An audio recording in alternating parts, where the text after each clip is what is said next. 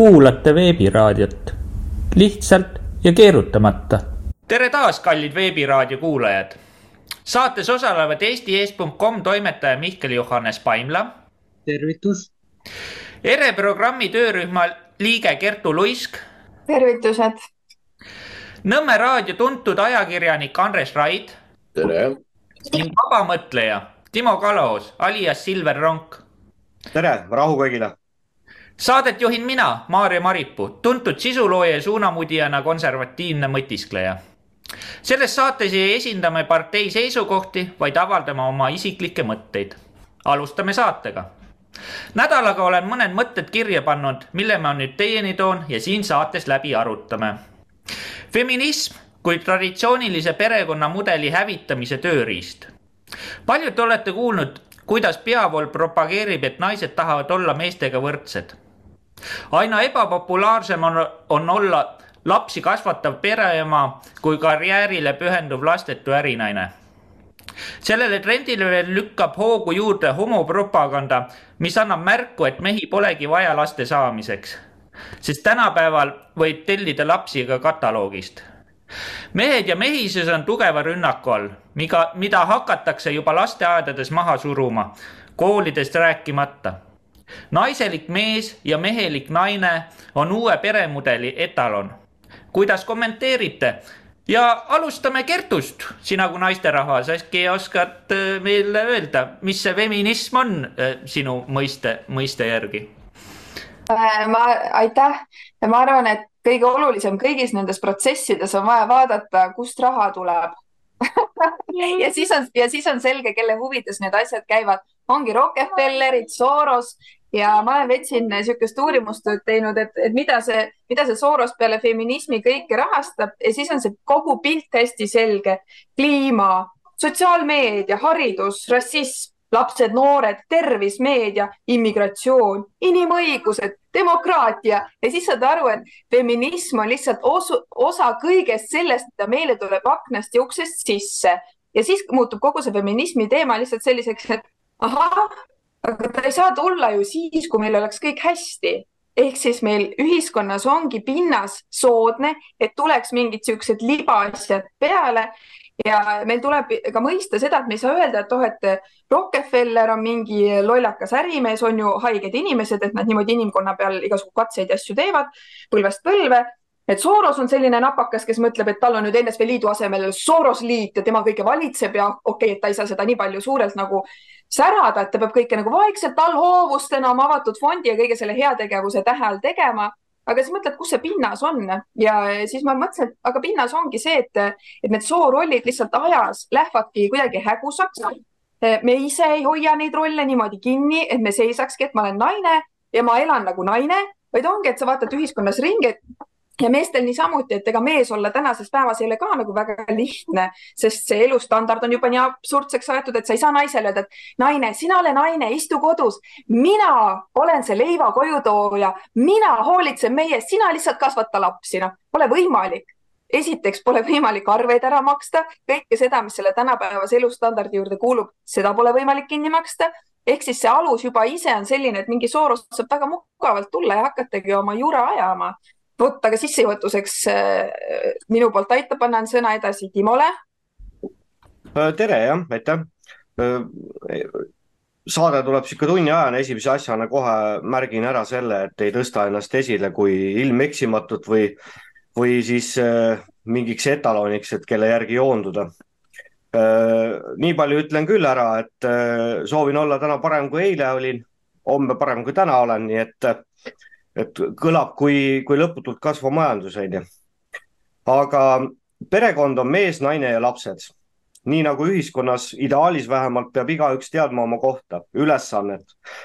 Äh, nii võiks olla see ka perekonnas, aga kui naine hakkab käituma kui mees või siis vastupidi et äh, mees hakkab käituma kui naine, onju, siis äh, tegelikult me liigume huku suunas ja see feminism minu arust ei ole mitte midagi muud kui perekonna lammutamine. see, millega viiekümne aasta jooksul kommunistid hakkama ei saanud, on täna noh, ütleme Eesti mõistes siis kolmekümne aastaga juba noh, kas nüüd päris hakkama saadud, aga oleme poolel teel, et lahutusi on meil viiskümmend protsenti abieludest iga-aastaselt lahutatakse, eks, et, et see tegelikult on päris, päris kurb statistika ja ja ütleme niimoodi, et see rollijaotus, nagu meil tänapäeva ühiskonnas on, et see on viidud juba seaduse paragrahvide tasemele, et noh, juba, juba, juba nagu muutunud selliseks karistavaks, et eh, kui sina ikkagi ütleme, viiskümmend protsenti naiste töödest ära ei tee või, või siis naine meeste töödest, siis eh, siis juba keegi kuskil võib kaevata või, või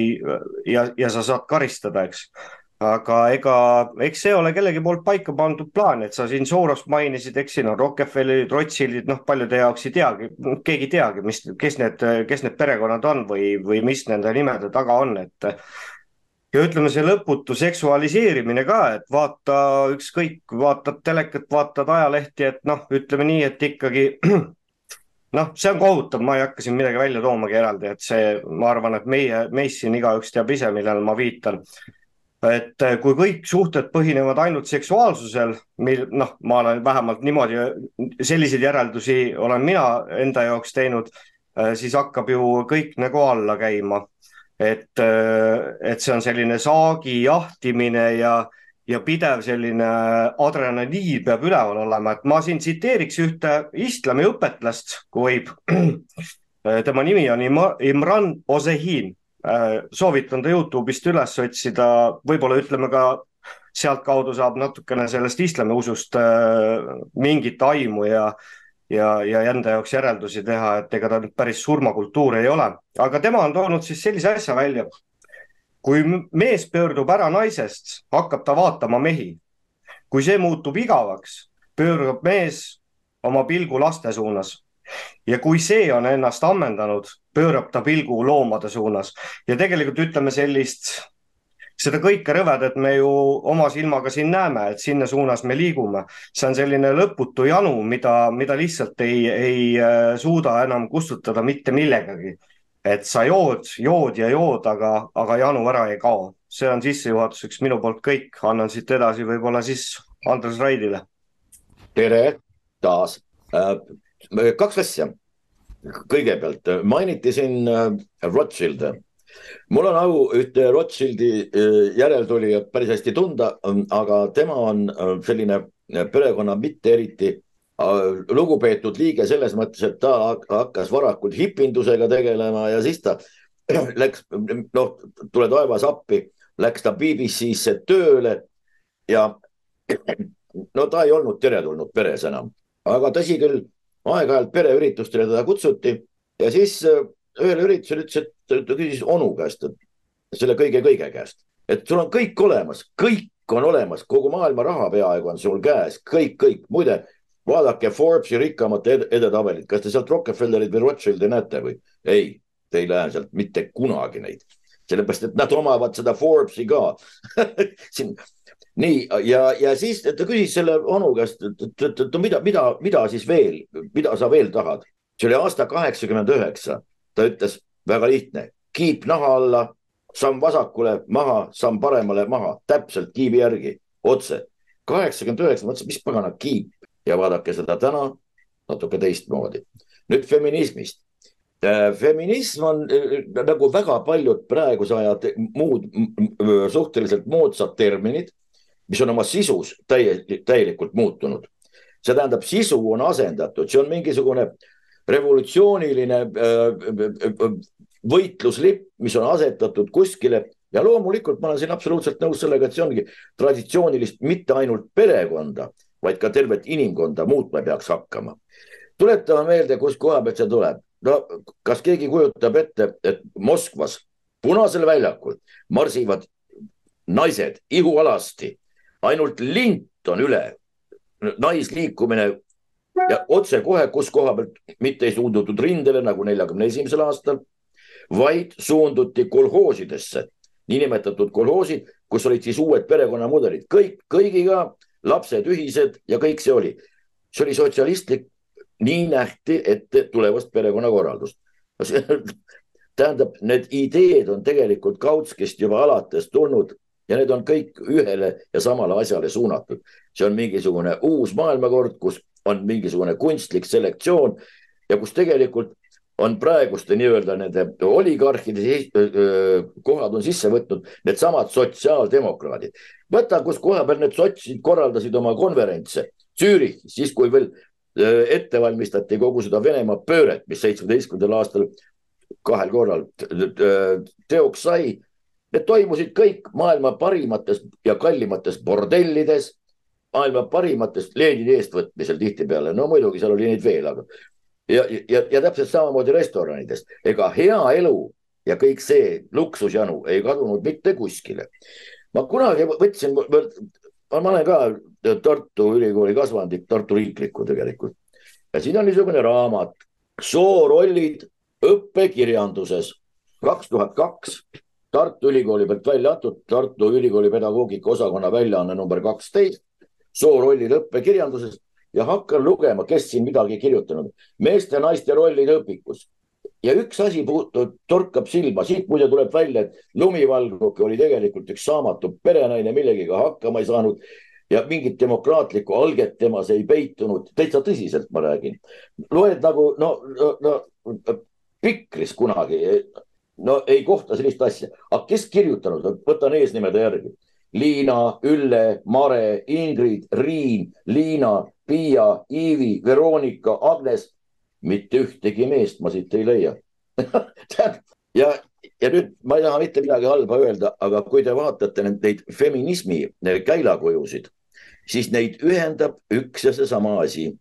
võtate ette Aristotelese füsiognoomika, nendes nägudes, nende olemises, nendes eestvõitlejates, nendes on kõikides midagi ühist. ja tead, noh, eks eh, koledus ole muidugi niisugune subjektiivne asi, aga need on muul alal ebaõnnestunud, inimsuhetes ebaõnnestunud ja looduse poolt mitte kõige paremini õnnistatud seltskond suurel määral. ma räägin nüüd praegu Aristotelesest, mitte, mitte, mitte isiklikest hinnangutest, vaid, vaid toetudes Aristotelesele, kes on vaieldamatu autoriteet.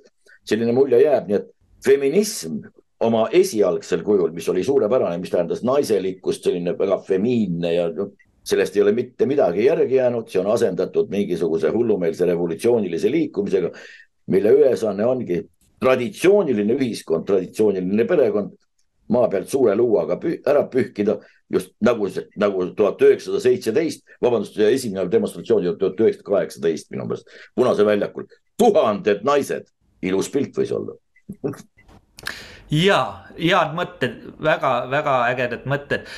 Mihkel, mida sina arvad? noh, aitäh, ma kõigepealt äh, haaraks äh, Timo mõtetest kinni, mis puudutab seda, mis ta nüüd oligi, selle meeste käitumise osas, et äh, kui mees alguses vaatab naist ja pettub äh, naistes ja siis hakkab mehi vaatama, siis äh, vabandust mu väljenduse pärast, aga sellel inimesel juba sellest hetkest ei ole asjad enam äh, psüühikas korras ja kui ta hakkab veel lapsi vaatama, mis on teadupoolest pedofiilne ja siis veel äh, loomade poole, noh, Saksamaal juba taoline asi on äh, noh, teatud mõttes normaalseks muudetud, siis ma arvan, et selline asi viib ainult inimkonna totaalse kaoseni. aga siin üks väike nüanss veel juurde, et siin feminiis-, feminismist rääkides, et äh, praegu on äh, nii-öelda maailma tasemel see LGBTQ pluss Q ja eelmisel pühapäeval sattusin nägema, et Ericssoni tehases on transsooliste lipp püsti ja nii palju, kui mul teada, siis Varro Vooglaid oma postituses ka seda teemat käsitles nii et äh, see näitab juba ära, et rahvusvahelistel ettevõtetel, äh, vähemalt osadel neist, on äh, väärtushinnangud totaalselt paigast ära ja noh, siin on veel muid aspekte, millest rääkida. aga kui tulla noh, tänasesse Eestisse, siis me räägime siin sellest, et meil on juba ühiskonda alaväärtustatud seadus, noh, see perekonnaseaduse muutmine võeti ju juunis teerulli moel vastu ja nüüd siin teisipäeval öeldi Eesti Evangeelse Luterliku Kiriku poolt välja, et nemad oma piiskopite kaudu jätkavad abielude sõlmimist eh, mehe ja naise vahel, mis minu meelest on igati õigustatud. et nüüd eh, hakkame nägema ilmselt uuest aastast, millised tendentsid sellega kaasnevad ühiskonnas laiemalt, et eh, meil, meil on tegelikkuses vähe räägitud sellest, et nende seaduste muutmisel on arvestatud ainult vähemuse huve, ehk siis vähemus võib olla üks protsent, võib-olla veel vähem, aga selle nimel siis on vaja, ütleme siis niimoodi, et naised saaks omavahel lapsi ja mehed saaks omavahel lapsi, et minu meelest sellise teerullipoliitika rakendamine, mida siin viljelevad Reformierakond, Eesti kakssada ja sotsid, see viib ainult selleni, et inimeste moraalne väärtushinnang saab sõna otseses mõttes tõsise tagasilöögi. Ja need, kes seisavad sellest lõpuni, et võitlus tuleb igal juhul keeruline, kuid peame igal juhul vastu pidama. Ja see oleks esialgu minu poolt kõik. ja äh, nüüd mina võin sissejuhatuseks rääkida nüüd sellest äh, miks ma ei poolda seda teemat äh, nagu igasugune äh, noh, homopropaganda ja vaata, ma olen niisuguse, ma olen, mina olen üheksakümnendatel koolis käinud ja meil oli perekonnaõpetuse tund. Ja, ja perekonnaõpetuse tunnis meil õpetati hälbeid ja seal olid kõik olid kingaarmastajad ja, ja need olid ilusad nimed, kõik me õppisime pähe ja ka homoseksuaalid läksid sinna hälvete alla kellele meeldivad mehed, sest nad ei ole traditsioonilised, noh traditsiooniline armastamise teema, kus tekivad ka järglased, on ju. ja, ja aga tänapäeval see on ju kõik normaalsusse viidud. nüüd on võetud see kõige leebem hälve ehk siis homoseksuaalsus ähm, ehk siis seal on äh, nüüd kaks omasoolist Äh, kui nad üksteisele nagu nii-öelda tahavad seksuaalset akti teha, ehk siis omavahel põmm-põmm on ju. siis nad saavad üksteise käest nõusoleku nagu võtta, et sina oled nõus, et mina panen sind, on ju. nii, aga kui nüüd läheb järgmisena, on ju, järgmine kategooria sealt võtta, on ju, on lapsed, on ju. Ja kui see nüüd sa seal ongi see teema, et las sa võid ju manipuleerida ja lõpuks sa saad selle jah-sõna kätte ja hops, läheb ära. nii, sealt järgmisena edasi on loomad. ehk siis ma tahaks öelda või küsida koera käest, et kas sa oled nõus, et ma nagu tahaks sind, onju. ta ei ütle sulle, teeb sulle auh, onju, vastu, onju. et äh, aga Saksamaal me näeme, onju, et Nad juba lähevad rihma otsas koertega ja üks paraad oli ka, nad said tuld ja tõrva seal Saksamaal on ju kõik ühiskonna käest imed, ma arvan, seal mõni sai peksa ka seal paraadil. aga noh, see on ju rõvedus, kuhu me liigume. ja, ja see on puhtal kujul tervemõistusliku ühiskonna lõhkumine. et ja, ma annaks siit edasi siis, kes sõna tahab, kellel on mõtteid? Kertu.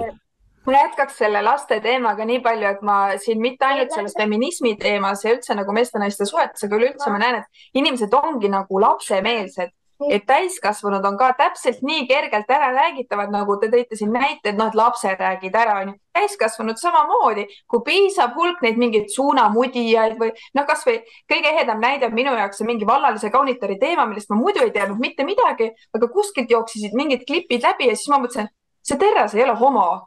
see on lihtsalt üks järjekordne selline, et vaadake, nüüd see tuli, et me siis vaataks, et ahah, äkki see ongi normaalne. vaata, ta sai nüüd Riigikokku, hea palga peale, ju siis see homovärk on niisugune pärituul karjääris, et ja siis päris mitmed mehed võivad niimoodi mõelda, et nojah, tegelikult naistega ei ole väga vedanud ja tooli mõrd ja tooli sään ja too tahtis ainult mu raha ja nii edasi. aga vaata mehed, vaata meest ma mõistan, vaata mehega võib-olla tõesti. Ja siis nad räägivad iseennast ära, noh muidugi väljastpoolt aidatakse ka ära rääkida. Ja samamoodi nagu lapsed meelitatakse ära, suudavad täiskasvanud olla täpselt sama naiivsed, täpselt sama mõjutatavad. Ja see ongi selle kogu selle sellise, kuidas ma ütlen, eh, hirm minna ellu, hirm ise vastutus võtta ja demokraatia tegelikult ma tunnen, et on sama teema. ma valin nüüd selle poliitiku, siis tema kõike teab ja otsustab ja siis mina ei pea mitte midagi tegema, mina lihtsalt saan olla, tegeleda oma hobidega ja keskenduda iseendale ja oma rõõmule ja nemad kõik siis teevad. Ja järgmine hetk, aa, kiip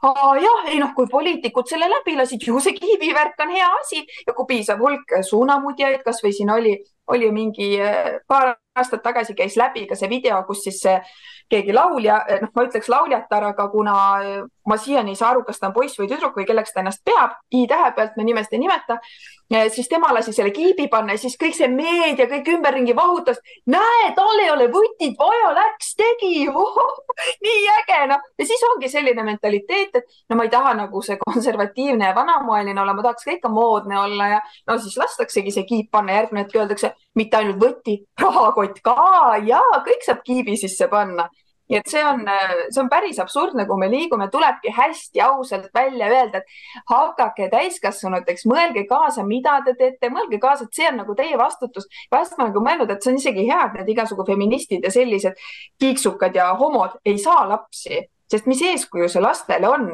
ja siis äh, mõtled, et aga jumalikus plaanis kõik on hästi, kui nad ei saa lapsi, väga tore, ilmselt selline asi mingi hetk siiski sureb välja, et see välja sureks, on meie asi jääda enda joondumusse endale kindlaks, täpselt see Timo, mis sa ütlesid.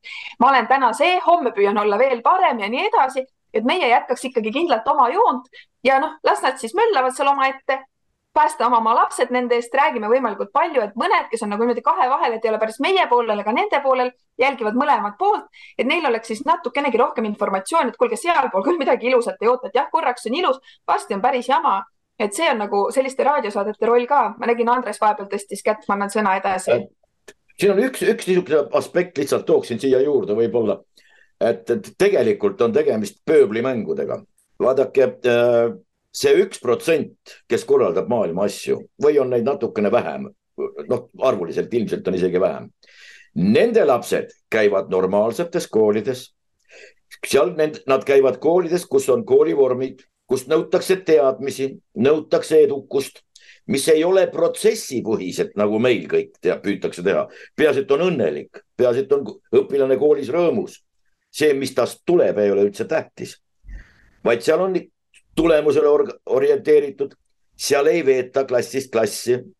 kui seal ei ole mingit kaasavat õpet, kui ei saa hakkama välja halastamatult. see on seltskond, kus on naised ja mehed, kus aidatakse naistele mantel selga, kus käiakse ooperis ja mitte vaatamas, kus on Romeo ja Julia, mõlemad mehed näiteks või, või iluuisutamisvõistlused, kus on paaris sõit ja mõlemad on kas naised või mehed ei, nad on ülimalt traditsiooniliselt, ülimalt ambitsioonikad ja nad on pühendunud sellele, et see pööbel tegeleks just nende samaste feminiinsustega, abielluksid sitikutega ja oleksid sealjuures rõõmus, rõõmsad. vot nii. ja äh,, Timo, mida arvad?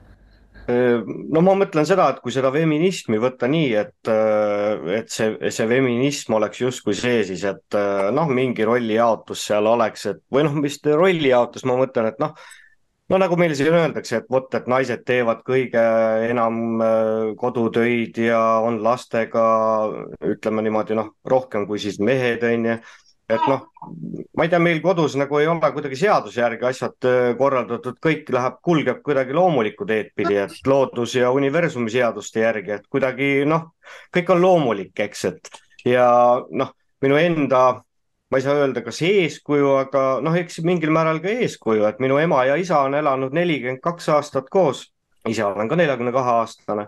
Ja, ja, ja selles mõttes, et äh, seal on olnud nii head kui halba, onju, aga ollakse koos, et äh, ja, ja ükskõik, noh, tänapäeval on hästi popp ju see, et äh, noh, kolmas kord on sokk diivani peal vedelemas, selge punane kaart, noh, homme lähme lahutame ära, et see kõik käib kuidagi kergekäeliselt. Ja ütleme niimoodi, et noh kui nüüd, kui nüüd see, kui see lahutatud paar, ütleme seal naispool hakkab endale noh, uut meest otsima või, või vastupidi, on ju, siis ei otsita enam mitte võib-olla sellest lähtuvalt, et otsitakse nagu siis noh, ma ei tea, kas asendusema või asendusisa on ju, siis otsitakse juba endale lihtsalt meest, mõtlemata selle peale, et kas see suhe nagu selles mõttes ka püsib, et, et eelmisest suhtest on lapsed. Ja mul tuli üks nali siin meelde, et et noh, ütleme selline, seda nimetatakse vist kärgpereks, et, et kärgperesid meil Eestis on palju, meil on palju üksikemasid, on ju. et naine kargab suure hooga tuppa, ütleb, kuule mees, et tule kähku välja, et sinu lapsed ja minu lapsed peksavad meie lapsi. et noh, ja, ja, ja sellised asjad meil nagu on, on ju et äh, kogu selle feminismi, see ei ole, see ei ole nagu selline, kuidas öelda, tööde jaotuse eesmärgil loodud liikumine, vaid see on ju tegelikult ikkagi selle naiselikkuse ja mehelikkuse tapmine, noh, see on selge ja, ja läbi selle siis perekonna tapmine. ja kui noh, minusugune hakkab siis seda rääkima või noh, me, me oleme näinud küll ja küll seda, kuidas Markus Järvi ja Varro Vooglaid on ühiskonnas peksa saanud. mina ei tea mitte ühtegi olemasolevat kooli, äh, kuhu oleks kutsutud näiteks Varro Vooglaid või Markus Järvi mingit loengut pidama perekonnast on ju või armastusest.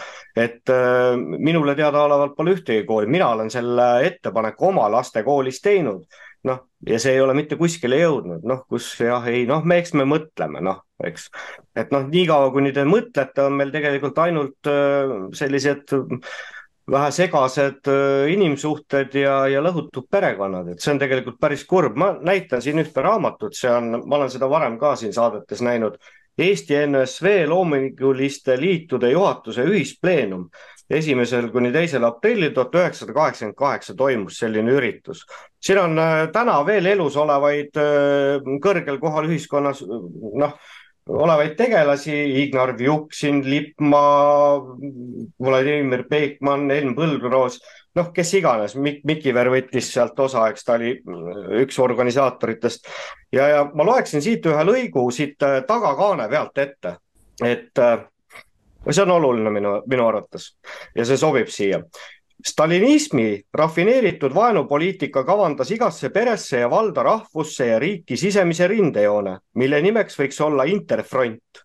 sellel rindel on voolanud palju verd, ka meie verd väiksemad rahvad jäeti ilma keelest, meelest ja kodust. tänaseks on nad jäljetumalt kadunud, suuremaid rahvaid lõigati ümber ja segati veel suurematega. rahvaste töötlemisest ja segamisest verre uppunud operatsioonisaal kuulutati õnne ja õigluse riigiks. Operatsioonilaual pidi sündima uus inimene, homo sovjeticus, aga ei sündinud. halastav loodus astus vahele ja hällid jäid tühjaks.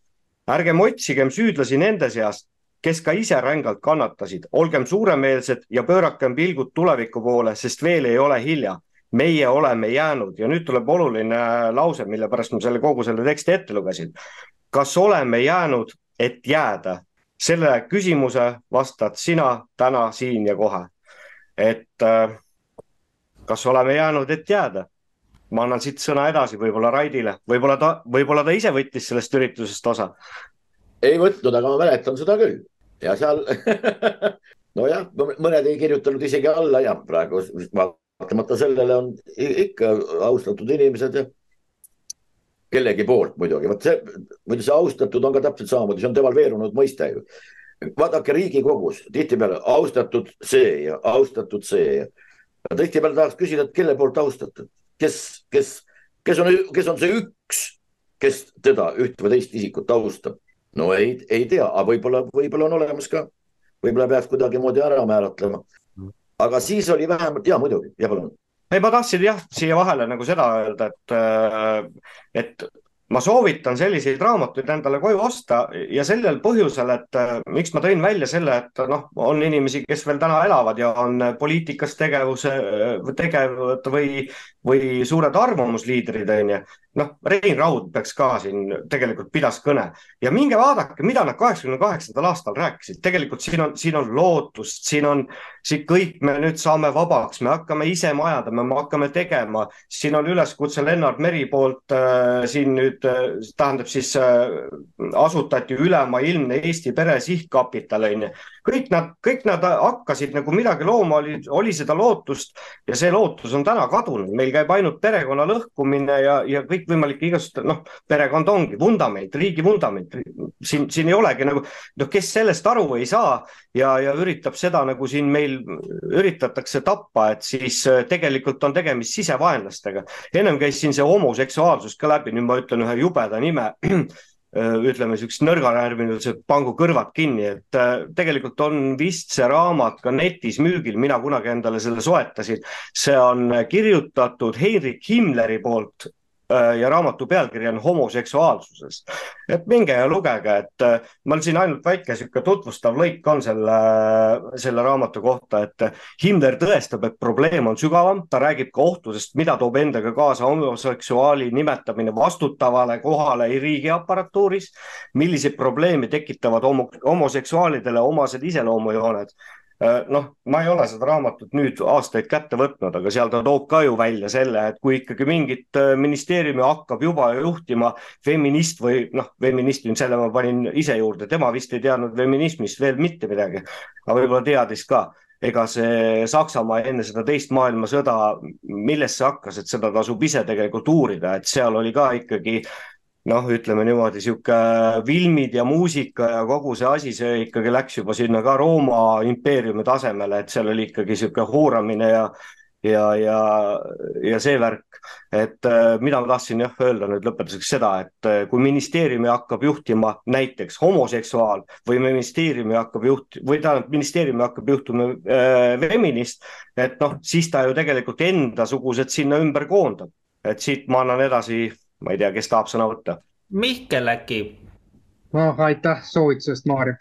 Äh, ma siia jätkakski selle temaatikaga, et Sotsiaalministeeriumis juba on äh, transsooline kantsler, kui keegi mäletab, siis äh, kakskümmend aastat tagasi oli praegune Sotsiaalministeeriumi kantsler veel naissoost, Maarja Mändmaa ja nüüd on ta siis Maarja nimeline. nii et kõlab üsna õõvastavalt ja kui me tuletame meelde milline oli varasuvel äh, Tallinnas see olustik, et äh, sajad inimesed äh, üle Baltikumi kogunesid oma paraadi tegema, siis noh, millest me räägime, ministeeriumite töötajaid kamandati kohale ja no nii edasi.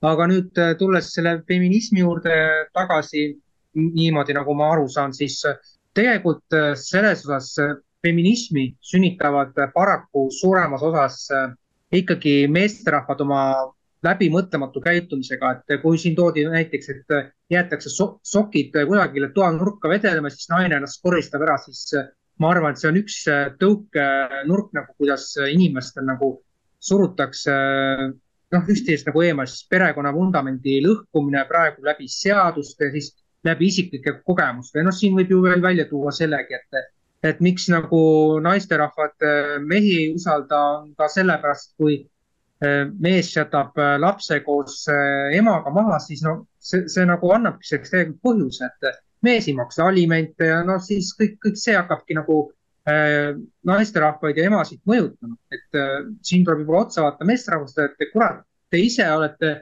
lapse siia ilma toonud ja miks te siis teete sellist asja, eks, et jätate emad lastega maha. minu meelest see, selline asi on lubamatu ja ma ütleks veel nii palju siia juurde, et läbi kogu selle ühiskonna perverteerimise äh, tahetakse nagu inimesi suruda järjest enam malli, kus üksteisega usalduse läbisaamine, selline asi järjest vähemaks nagu tõmmatakse seda, et, et ei oleks seda, et mehed ja naised saaks omavahel sõbralikud läbi, et ei, ei, me surume läbi seadust selle, et just seda ei juhtuks. aga ma nägin, et Kertul on oma kommentaar lisada ja ma tahtsin öelda, et eh, kui ma esimest last jäin ootama, siis ma mõtlesin, et aga kui sünnib poeg, et mis ma, ma ei oska temaga mitte midagi peale hakata. siis ma lugesin sellist raamatut, ma ei mäleta nime, aga see oli midagi analoogset, et miks on raske olla mees, midagi sellist. ja sealt jäi nagu hästi palju huvitavaid momente meelde, mida nüüd on hea meenutada, ma mingi hetk lugesin veel uuesti. et kuidas tegelikult tänases päevas siis kasvatatakse poegi, et noh, on näha, et meeste kvaliteet, noh, nad muutuvad naiselikumaks, ühest küljest see toit, teisest küljest see niisugune nagu mehelikkuse alla surumine ja siis ma sain ka aru, et me nüüd oleme pööranud selle vindi niimoodi üle, et siis hakatakse, mehed ei nuta ja nii edasi ja siis kasvatatakse niimoodi noh, nii suurtest juba, sina ole mees. aga seal raamatus öeldi ilusti ära, et tegelikult meil on tarvis nii väiksele mehele anda kõik see õrnus ja hool, et ta vundament oleks tugev, et tast saakski tulla terve inimene, et tast tulekski selline hoolitsev ja tugev natuur. et äh, see on üks moment, mida on nagu hästi oluline emadel meeles pidada. ja kuna ma olen enamus aja lapsi üksinda kasvatanudki, siis oligi see hirm, et aga äkki ma kasvatan samasuguse nagu tänased need pehmikud ja igasugu jah, kergesti mõjutatavad on, aga tänu sellele raamatule ma tean, et tegelikult on tarvis just anda hästi palju õrnust ja hoolt aga samal ajal hoida ka niisugust distsipliini, et see ei läheks nii-öelda nagu üle võlli. Ja siis mõelda, et et mehed on sellised ja siis nüüd mina sellepärast peaks hakkama Aleksandriks, et hakkama feministiks, et siis, et sõimama ja mölisema, siis ma saingi aru, et ei, et ma ei muuda tänaseid mehi, on millised nad on, aga oma lapsest kavatsen kasvatada sellise, et ma saan ühel päeval üle uhke olla, et näete, et oligi meil niisugune pime aeg, kus naised olid mehelikumad kui mehed, sest seda kvaliteeti lihtsalt ühiskonnas suruti nii palju alla. mina omalt poolt püüan teha kõik, et see endast mitte seda mõjutust avaldada kuigi vahest on jah, ma tunnen, et minus endas on ka sellist nagu kibestumist omajagu. Eh, aga lihtsalt teadvustada ja mitte minna süüdistamisse, vaid mõelda, nii olukord on selline, mida ma saan sellelt pinnaselt teha, et neid protsesse mõjutada normaalsuse suunas, sest väga lihtne on panna haavatud ja sellist nagu ohvrimeelset inimest mingi lollusega kaasa minema. näe, sa oled selles olukorras, vaata, see on lahendus ja siis tulevad igasugu rahastused ja kampaaniad ja kogu see propaganda, see manipulatsioon. Ja on hästi lihtne panna tuhandeid inimesi mingis ebaterves suunas, suunas kogu seda hetke ebatervet siis veel omakorda süvendama. Ja mitte selle huvides, et asi läks paremaks, vaid selle huvides, et keegi saab sellest kasu läbi selle, et me muutume siis ajast aega järjest nõrgemaks, mõjutatavamaks. Ja lõpuks ei oma tähtsust isegi see homondus ega feminism, vaid kõik muu, mis tuleb sest kui sa juba oled aldis sellisele kompostimisele, siis ükskõik, mis edaspidi öeldakse, ongi see kiibi teema ja nii edasi, et me muutumegi selliseks nagu biomassiks, keda lükatakse lihtsalt mingi labidaga sinnapoole ja sinnapoole, kus siis meist rohkem kasu on. et lõpuks ei ole isegi nii väga nendes sõnades, vaid just selles, kuidas meie ajud hakkavad läbi nende selliste traumade ja mõjutuste töötama ka edaspidistes momentides nii kui keegi tahab siit sõna. Äh, ma ütlekski, noh, mis teie sellest nagu niisugusest teemast arvate, et tõenäoliselt Kaja Kallas oli konservatiividele heitis ette, et teie tahate nüüd naistest teha sünnitusmasinad ja suruda ta kööki sinna pliidi äärde, onju. et äh, noh, see on juba niisuguste sõnade väljaütlemine nagu, mis mõttes nagu see on ju tegelikult, see on ju naise roll olnud aegade algusest saati, onju aga ega mehes ei sunni seda tegema, onju. samamoodi mehel on ju omad rollid, et eh, siis võiks öelda, et mis me nüüd surume mutrivõtmed siis naisele kätte ja kasi sinna auto alla rehvi vahetama, onju. noh, ma võiks samamoodi öelda. ja teine teema, mis, eh, mis on eh, nii-öelda on koolides, on öö, kehalise kasvatuse tunnis keelu, keelati ära rahvaste pall, sest mõned võivad ju haiget saada. nagu aju hakkab plahvatama nagu, mis mõttes? sealt ju lastel, eriti meestel ju tekibki noh, võistlemise moment ja saadki haiget, see ongi ju elu loomulik osa, sa peadki haiget saama, noh ja sealt tekivad nagu noh, teine teema on ju, aga nemad karvavad, oi, näed, me õpetame lapsi agressiivseteks. et nii kui nad sealt koolist tulevad, siis kohe läheb lõua andmiseks ja, või mis iganes, on ju, noh, see on täiesti niisugune nii väär arusaam ja mõtlemine, on ju. ja Timo, tahtsid midagi öelda? Ja ma tahtsin öelda, et ega see agressiivsus siis halb ei ole, kuigi meile nagu üritatakse noh, jätta selline mulje või või, või, või räägitakse sellises, sellises võtmes nendest asjadest, et ma soovitan Uute Uudiste lehel täna ilmus üks artikkel, kes kardab mehelikkust. Karl Olev, Olev Rääk oli vist äkki see, kes sellest kirjutab, et ega see agress, agressiivsus halb ei ole ja, ja vaata, siin on see oluline aspekt, minu arust Einar Laigna on sellest palju rääkinud, et, et ega siis noh, ega sellest ei peagi Laigna rääkima, normaalne mees saab tegelikult sellest ise ka aru, et kes see perekaitsja siis on. kas äkki võib-olla kuus võimul olevat erakonda, et kui nüüd on peret vaja kaitsta, et siis ma pöördun nende partei kontorite poole või kelle poole ma pöördun, on ju. et perekaitsja ja see eeldab ikkagi ka mingil teatud määral agressiivsust, on ju ja, ja mees peabki jätma vähemalt eh, sellise mulje sellest, et kui te ründate minu lapsi või minu naist, siis mina absoluutselt kõikvõimalike vahenditega kaitsen oma perekonda. Teil ei ole asja minu perekonnas mingit kiilu lüüa, onju. ja ega see laste ja, ja vanemate vahele kiilu löömine on meil ka täna noh, see on lausa projektid on selleks ja, ja sellega on aastaid toimetatud. mis ma veel tahtsin öelda, see kolme soki lugu käis korra Mihkli suust ka läbi, et ega vaata, siin on see asi ka, et ma mõtlen seda, et ega, ega mehed ja naised ongi erinevad, noh, ma ei tea, kes kui palju kellegagi koos elanud olen, on, et noh, ma olen neljakümne kahe aastane, mul on kaks kooselu olnud, eks.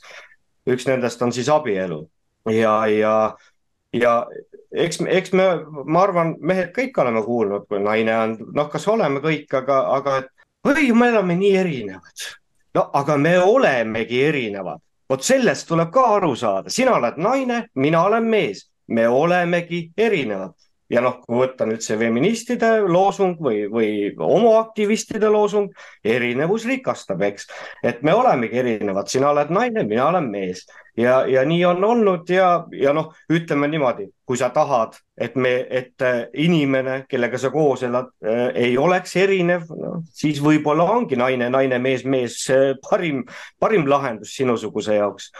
noh, see oli muidugi nali, ma ise nii ei arva ja siis äh, siin oli ministeeriumitest juttu, Mihkel, sina ka mainisid selle koha pealt midagi, et keegi kuskil on, on ju. et noh, meie see sotsiaalkaitseminister käis siin äh, alles hiljuti Rakveres oli see homofilmifestival et käis siin äh, suur artikkel oli Virumaa Teatajas, et äh, proovis jalga, päris jalga ei proovinud, aga vaatas ühelt poolt ja vaatas teiselt poolt sooneutraalset russikut, pakkusid talle hirmsat moodi huvi. et noh ma ei tea, kas kuskil Suurperede Liidu üritusel meie sotsiaalkaitseminister käinud on, on ju, või mõnel ükskõik millisel sellisel noh, peredega seotud üritusel, on ju. no minule vähemalt silma näinud, jäänud ei ole, on ju, ja, ja ja kui ta ei ole käinud, siis miks, eks, et eks ta sellega näitabki tegelikult kogu oma meelsuse ära perekondade suhtes, et ega see valitsus oli ju esimene, kes suurperedelt raha ära võttis, nüüd kakssada eurot, eks ja, ja kõik see mm, tuludeklaratsiooni tagastus kaob, kaob nüüd ära, et noh, see on täielikult perekondade lõhkumine. minule näiteks äh, suurpere isana see kakssada eurot on oluline ja ma ei tea mitte ühtegi teist riiki, kus oleks antud ja siis ära võetud, isegi mitte Venemaal, isegi mitte kuradi Hiinas või, või, või Põhja-Koreas. et äh, see minu poolt ah,, ja siis ma ühte asja tahtsin veel öelda, vot see õnnelikkus, see Raid ennem siin mainis, et et jah, et sa pead saama olla õnnelik ja selline õnnelikkuse õpetus on ju et noh, kui me vaatame kasvõi äh, Hollywoodi filme või ükskõik milliseid seriaale, need Mehhiko seriaalid hakkasid meil ju kohe siin Vabaduse esimene vist oli Tahmanägu või midagi sellist, ma mäletan, ma ise vaatasin ka vanematega koos seda. Roosa oli. Äh, või Roosa oli, noh jah, ükskõik, mis seal oli aga lihtsalt ma tahtsin seda öelda, et kui nüüd Hollywoodi filmi vaatad ära, et tekib seal armastus ja kõik on nii tore, I love you, you love me on ju aga vaata, aga miks ei võiks sellel filmil tulla teine osa, seal, kus siis nüüd peab ära paika panema, kes peseb nõud, kes vaatab lapsi, see teine osa ei pruugi üldse nii ilus olla kui see esimene osa. et ma annan siit sõna edasi. Andres võib-olla tahab midagi rääkida. siin on üks, üks niisugune aspekt veel võib-olla, no vot ma oma aspektidega kogu aeg äh, kui meil on isegi mingi võrdsusvolinik ja ma ei tea, mis asja kõik ja äh, siin aetakse taga tegelikult võimatut, mis on põhimõtteliselt võimatu. isegi, aga see on meil täiesti tavaliseks saanud. räägitakse nullenergiaga majadest. energiaga ei ole võimalik mingisugust asja ajada, sa tõstad isegi käe üles, sa rakendad selleks mingisuguse energia, see on energiakulu. sa vajutad ukse kella, juba see vajutus, juba see on energia, nullenergia täiesti nonsense. füüsik füüsika ütleb, et see ei ole võimalik, poliitikud ütlevad, et on, on küll võimalik. nüüd võrdsus, no ei ole inimesed võrdsed, üks hüppab kaugemale, teine hüppab kõrgemale. no ei oleks mõtet ju korraldada ei olümpiamänge ega üldse mingisuguseid võistlusi, kui inimesed kõik on võrdsed, kõik hüppavad kõr kõrgust kaks kolmkümmend, kaugust kaheksa viskavad kas vasarat või kuuli täpselt kõik ühepalju. ei põhimõtteliselt ei ole võimalik. meenub Jüri Lotmani muide erinevuse koha pealt üks ütelus, millel on tegelikult põhi olemas. minu meelest päris ilus. et igasugune suhtlemine on võimalik ainult juhel, juhul, kui me oleme piisavalt ühesugused, sest see tähendab seda, et me saame üksteisest aru ja mõttekas ainult sellisel juhul, kui me oleme piisavalt erinevad sest mida me suhtleme, kui kõik saavad kõigest täpselt ühtmoodi aru, kui ei saa. Ja, ja siin oli enne, ennist juttu, et noh, mees peaks nagu kaitsma kedagi või.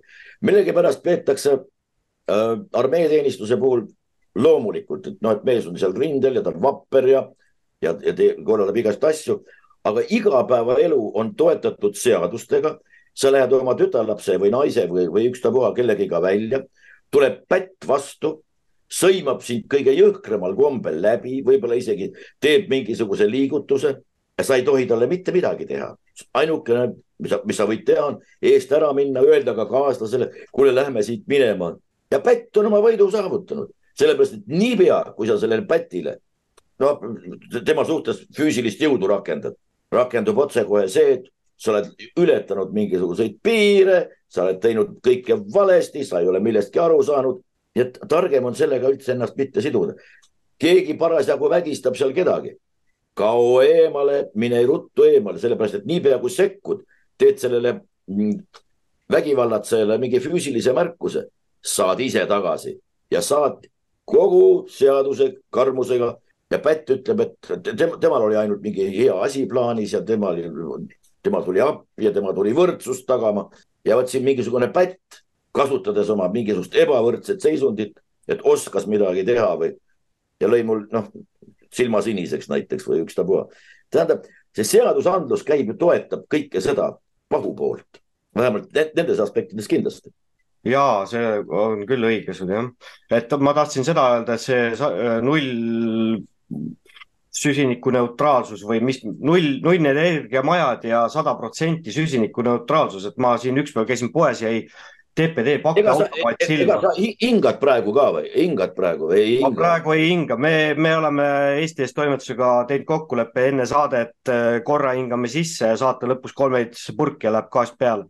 ja ühe, ühe hingetõmbega käivad. ja ühe hingetõmbe, aga jah, TPD automaat jäi silma ja seal, tähendab, ühesõnaga seal oli siis sihuke tekst sada protsenti süsinikneutraalselt on need pakid siia automaati jõudnud, ma mõtlesin, et okei okay,, et ei tea, kuhu nüüd küll tormama peaks aga siis ja, et kuidas see võimalik on ja on jah, päriselt selline või see kiri on seal TPD automaat. inimene ise sisaldab süsinikku, mis me sellega peale hakkame? ei tea, vot ei oska öelda, see, vot nüüd tulevad mängu jälle Briti teadlased ja, ja kõikvõimalikud eksperdid, et nemad oskavad siis selle meile ära võib-olla selgitada.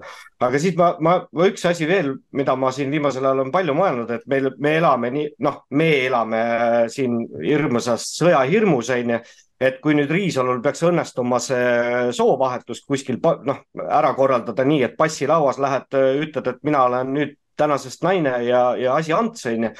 et minu teada ei ole naistel kohustust sõjast osa võtta, et kui nüüd see seadus vastu võetakse ja me kõik ennast naiseks kuulutame, mis te siis peale hakkate, et lihtsalt selline märkus vahele ja lõpuks veel seda, et Einar Laignal on äh, loengud Youtube'is, kus ta räägib armastusest äh,. noh, see on selline Objektiivi saade oli, kus ta võttis ühe sõna ja rääkis, seal oli, seal on naine, seal on mees, armastus, usk ja kõik sellised asjad. et kui ma vaatan Youtube'ist nüüd äh, neid kuulamisi ja vaatamisi, mis need seal on, et armastusel oli viimati vist seal alla kuue tuhande vaatamise, et et siis see tegelikult on ikkagi päris kurb, mina olen neid saateid korduvalt kuulanud nende aastate jooksul, äkki circa viis aastat on nad seal üleval olnud, onju.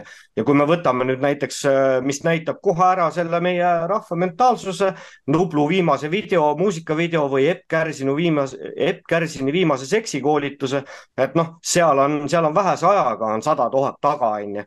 et noh, see näitab tegelikult ka seda, kuhu me siis nagu oma rahvaga jõudnud oleme. Mihkel äkki tahab midagi öelda? mul, ma ütleks lisaks veel, mäletate, ma ei tea, mis selle filmi nimi oli, kus oli ka vend läks äh, ajas äh, tulevikku edasi ja siis oligi, tulevikus olid äh, inimesed olid kinos ja siis kinos näidati üks suur riist oli keset seda kinoekraani ja kõik inimesed vaatasid seda, see ei vahetunud, see oli seal ees niimoodi ja kõik naersid poolteist tundi ja siis seanss sai läbi ja kõik inimesed läksid äh, emotsionaalid, emotsionaalselt olid üles köetud ja kõigile nii hea meel, et sai poolteist tundi riista vaadata. ja siis see peategelane mõtles, et kuhu me ühiskonnana nagu jõuame lõpuks, onju. aga ma näen, et see ühiskond lähebki selles suunas, et saja aasta pärast ongi inimesed vaatavadki ekraanil riista ja naeravad selle üle poolteist tundi ja nad on sellega rahul. et noh. mida? et kõik, kõigil teistel on juba ära lõigatud ja on. ja kõigil on, jah, see on juba siis juba teistmoodi see on juba nagu teadusfilm siis või midagi nihukest. ja, ja, ja, et näete, kunagi oli ja nagu oli, et kunagi, et see on niisugune eelajalooline teema. ja, ja siiamaani on see säilinud mitte füüsilisel kujul, vaid ainult kõnekäänuna ja võib kellegi kohta tarvitada, nii või? just aga mul tuleb siit meelde, et kas Maiadel siis oli ka, hakkas seal asi nagu viltu kiskuma, et noh, kui sa siin selle Rista näite tõid, et, et minu arust Maiad lausa ehitasid templeid, kus oli lingamid suured tornide otsas seal, et äh, noh, et ei tea, kas siis nad juba aimasid seda ohtu, et asi võib sinnamaani minna. aga nende elu ei koosnenud mitte ainult sellest. Nende, elu, nende elus oli muud ka ja, ja ei, seda küll jah, et. Nad lihtsalt nägid, nägid ette nii palju, et teeme parem ühe suure kivist, et seda on raske hävitada mm. -hmm, mm -hmm. aga ja, Mihkel, ma võtsin, sorry, vahelt ära sõna ja no siin toodi üks äh, artikkel veel, et äh, väike täpsustus lihtsalt, et see oli nüüd eile avaldatud, kakskümmend üks oktoober. aga siin on üks hea lõik, mida ma siin noh, nii-öelda ette loen, et mehelikkuse mõiste sisaldab kontrollitud vägivaldsust. see tähendab, et tõeline mees on hoolitsev omade ja vajaduse korral armutu vaenlaste vastu. millegipärast just selline loomulik ja kaitsev käitumine mingite varju hoidvate ja väänevalt perverssete jõudude poolt patuks kuulutatud.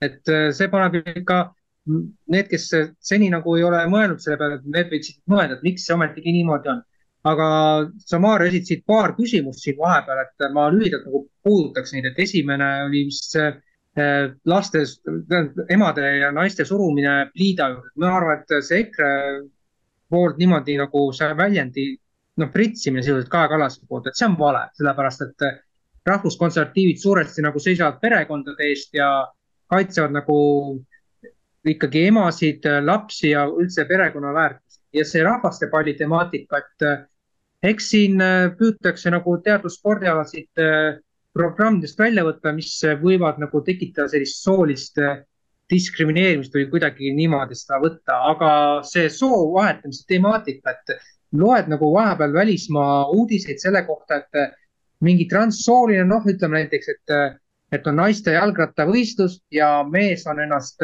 moondanud naiseks ja tema saab selle esimese koha, kuna tema Äh, oli, noh, ennem oli mees, aga ta operatsiooni käigus vahetas ennast naiseks. Ja siis äh, temale antakse auhind, aga tõelised naised tunnevad ennast selle pärast puudutatuna ja tulemus on see, et äh, spordis pole enam sellist õiglast printsiipi, et ütleme, et, et siin tuleb jälle mängu see, et ühed suudavad rohkem hüpata kõrgust, teised natuke vähem, aga kui me tekitame olukorra, kus tugevama õigusega, ütleme, et varasem näiteks noh, siis meesterahvas, ta varem saavutab häid tulemusi ja võib-olla saavutab ka edaspidi häid tulemusi, aga seda teeb siis juba teisest soost ja siis võtab tõelist naistelt nagu selle konkurentsieelis ära, et minu meelest see on ääretult kohatu, aga siin võiks keegi öelda no, midagi äh,. ma tahakski, oota, üks moment meil on, ma tahan seda öelda, et meil hakkab jälle see tasuta osa äh, läbi saama.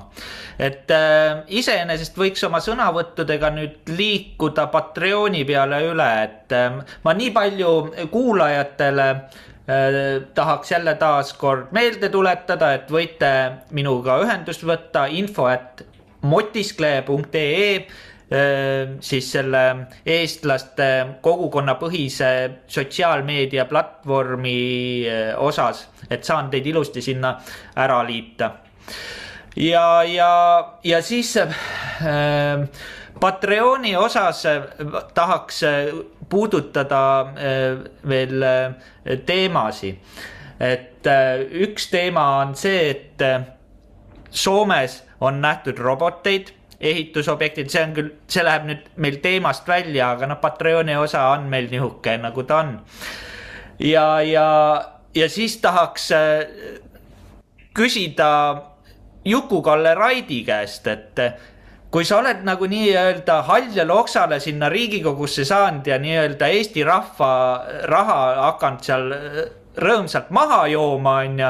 et nihuke proosaline küsimus, et noh, et ma tean, et pättidega tuleb nagu pättidega rääkida, et, et millal sa litsid tellid et noh, lihtne küsimus, et millal sa nagu Eesti rahva raha eest litsid tellid. ja äh, Kertu, on sul äh,, sa tõstsid käe? Ja ma, ma, arvan, et seal, ma lihtsalt nüüd jätkan su nalja, et ma arvan, et Riigikogus just selliseid L-tähe pealt isikuid on päris palju nii naiste kui meeste seas, kas nad just sellisel kujul seda väljendavad nagu klassikalises mõttes, aga müüdavad nad on hästi huvitav moment, mis ma jagan korraks, on see, et äh, lihtsalt energeetiliselt ma olen tajunud, kuidas, miks, miks erakonnad on nagu üksteisest kuidagi nagu nii sõltuvad või läbi põimunud. lõpuks oli see võimuteema, ma arvan, et käib täpselt läbi sellesama energia, see seksuaalenergia, kui lihtsalt on mingi tunnetus, et seal tagatubades, nii-öelda tagatubades ei ole lihtsalt tagatoad, seal on voodid ka. mul on mingi sihuke tunnetus, ma ei tea, võib-olla ma panen segast, aga kuskilt nagu mingi sihuke nagu, nagu ma tunnen, et see on nagu õhus, et täpselt sedapidi nad üksteisega ära seovad, siis saadki aru, et ta võiks nagu sellel teemal sõna võtta tulisemalt, aga ta on kuidagi nagu reserveeritud, miski nagu hoiab tagasi. võib-olla ma panen segast, ma ei tea, lihtsalt mõtlesin, mainin ära.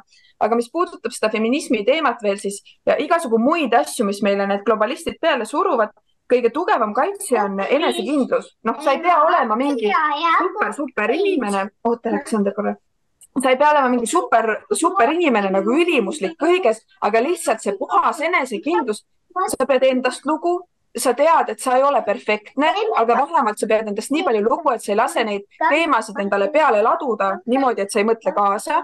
ja see on nagu kõige tugevam kaitse ka, ka see feminismi teema, seesama, mis, Aleksander, oota korraks, mis Andres ennast välja tõi, et ongi nagu Aleksander, mine kiikuma siis, et ongi justkui nagu nii-öelda koledad ja ma ei mõtle isegi välimuse plaanis, vaid just nagu inimestena, neis ei ole seda inimlikku ilu ja sellised lähevad nende asjadega kõige kergemalt kaasa, sest neil on hästi madal enesehinnang. ja siis, kui sa vaatad neid debatte ja arutelusid, siis sa saad ka aru, et nad, nad ei tunne ennast iseendana hästi ja nende sihuke siis see asi, millega nad ennast hoiavad kellegina, on täpselt need sildid. ma olen feminist, ma olen see, ma olen see õiguslane, mul on see märk rinnas ja nii edasi. ja siis, kui võtta neilt need sildid, asjad ja rahastused ära, kes nad on, mitte keegi ja seda nad kardavad et minu sõnum ongi inimestele, olge teie ise, ärge otsige oma väärtust kuskilt väljastpoolt ja siis ei saa teid ka ära kaaperdada ei mõistuse poolest ega sellises nagu argipäeva plaanis. aitäh, praegu minu poolt kõik. ja äh, väga hea ja ühe asja ma tahtsin ka äh, veel uudistest kõlas läbi see, et äh, Soome eurolaulik Käärijö äh, nüüd äh, talle visati lava peale Ukraina lipp ja ta algul ei saanud aru, et mis asi see on ja ta viskas selle selja taha. aga nüüd tal on äh, tõsine teema, et äh, ukrainlased soovivad tema surma, aga sellest me räägime samuti Patreonis, aga ja võtame... ma tahan, ma tahan, ma ikka, ma tahan seda ah, öelda, teises okay. osas, teises osas me võtame ilmselt võib-olla räägiks ka natukene äh, sellest äh, pornograafia seadusest, mille EKRE Varro Vooglaid äh, esitasid nüüd Riigikogule, et, et keelata pornograafia alaealistele. Ja üks asi veel, mida ma tahtsin siin öelda, ennem käis kellegi poolt läbi selline sõna nagu karjäär et äh, see vist oli Kallase teemaga seotud, et eks see jookseb sinna feministi, feminismi koha peale kokku jälle, et see, et äh, kõik tahavad karjääri teha. Ja minu üheksanda klassi poja ütleme siis noh, ma siin alles hiljuti saatsin ka Lepale tegelikult, äh, mul käib lapsed käivad siis üheksas klass, kolmas klass ja neljas klass, saatsin nende, nende laste tunniplaanid, et et näiteks üheksandas klassis on kohe esmaspäeval on kaks tundi karjääriõpetust. Äh, see on küll selleks, noh, nädalas korra ongi siis see kaks tundi, on ju, ja eesti keelt on ka kaks tundi. et äh, noh, jah, ma lihtsalt tahtsin selle välja tuua, et äh, ja siis ütleme, sihuke teises klassis hakkab meil juba tegelikult inglise keel kuskil sealt aasta teises pooles et, äh, et kasvavad lapsed, kes ei oska veel, ütleme õieti lugeda, kirjutada ja, ja rääkidagi, äh, juba hakatakse selle võõrkeelega solkima ja, ja see ongi saate lõpetuseks minu poolt kõik, et ma selle saate, selle saate osa lõpetuseks, et ma teises teises saate osas tahaks nendel teemadel rääkida, jah. seda sa kindlasti saad. okei okay., aitäh, kallid sõbrad, et meid kuulasite. järgmine kord taas teiega siis juba uute teemadega ning kindlasti külastage meie Patreoni fännilehte patreon.com kaldkriips veebiraadio, veebiraadio siis kaksis V-ga, kus kuulete saate lindistuse täisversiooni, mis pole avalikult saadaval. kõike head ja nägemist. nägemist. nägemist. head aega. kuulasite veebiraadiot külastage kindlasti ka meie uudisteportaali www.eestieest.com